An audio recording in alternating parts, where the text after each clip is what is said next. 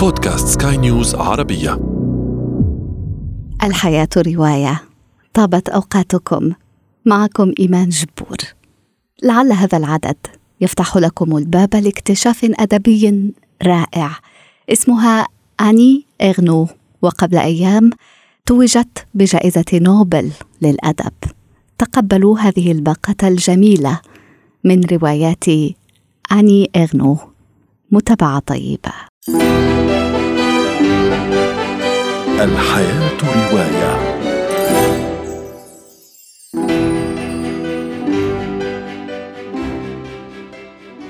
ابنة النورماندي التي زعزعت أعرف الكتابة الأدبية أسلوبا ومضمونا فكتبت كلمات جافة عن أشياء تعتبر غير جديرة بالأدب لكنها تمثل كنه العلاقة بين الحياة والكتابة لأننا لا ننسى ما هو مدون.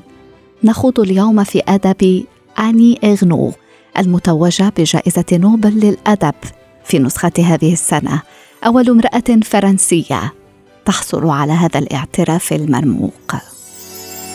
Avec le temps, avec le temps va, tout s'en va, on oublie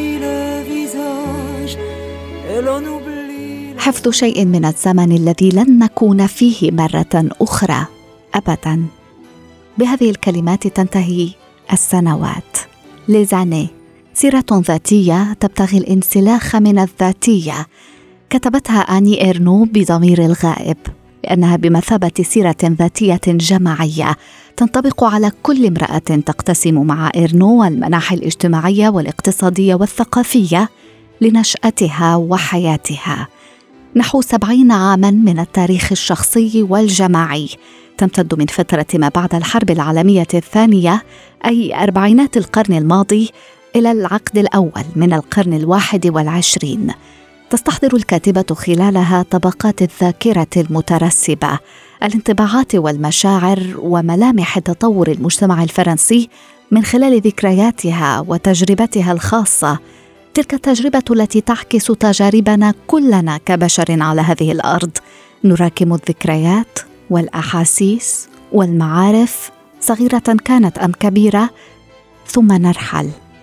قالت إرنو عن السنوات إن كل المؤلفات التي كتبتها تمثل محاولات إنشائية. كان من شأنها أن تؤدي إلى رواية السنوات. ومن جملة المؤلفات التي سبقت السنوات. La Place المكان.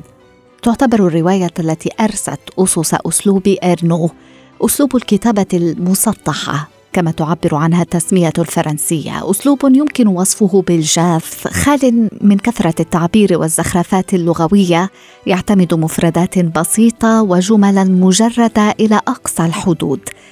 تحكي لنا أني إرنو عن والدها ومن خلاله عن نفسها. أكثر من ذلك.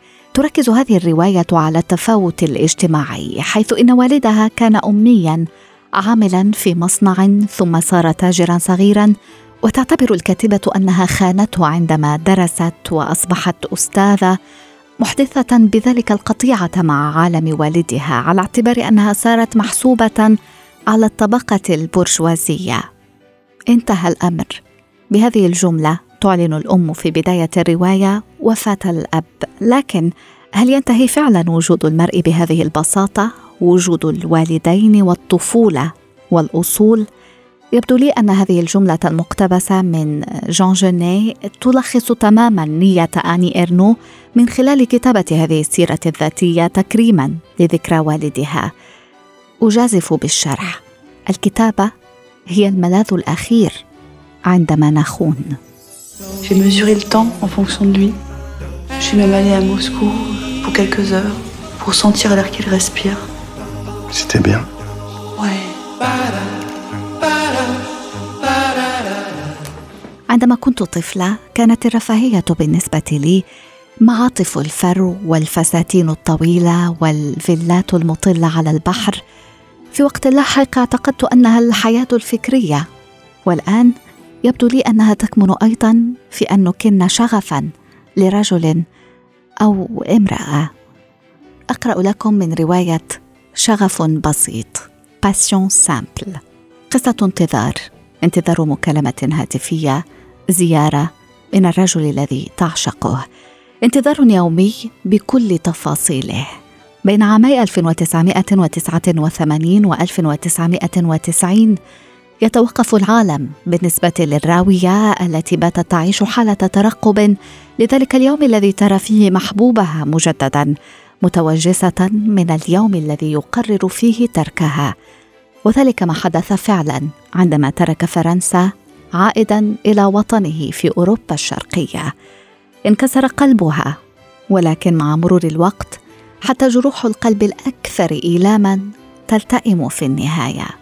مع انتظار الراوية ينتظر القارئ أيضا يترقب حدوث شيء ما ولكن لا شيء يحدث هنا فالقصة تكمن في ماهية الشغف في الحب ذلك الشغف الجارف لامرأة مغرمة. وقد توافقت الكاتبة بكلمات فاتنة في وصف أحاسيسها وإيصالها حتى لمن لم يختبر ذلك الشعور من قبل.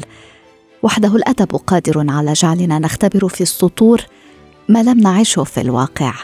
هنيئا ان يغنو. الحياة رواية. وأشكركم على طيب إصغائكم. لقاؤنا يتجدد في عدد مقبل. دمتم بخير.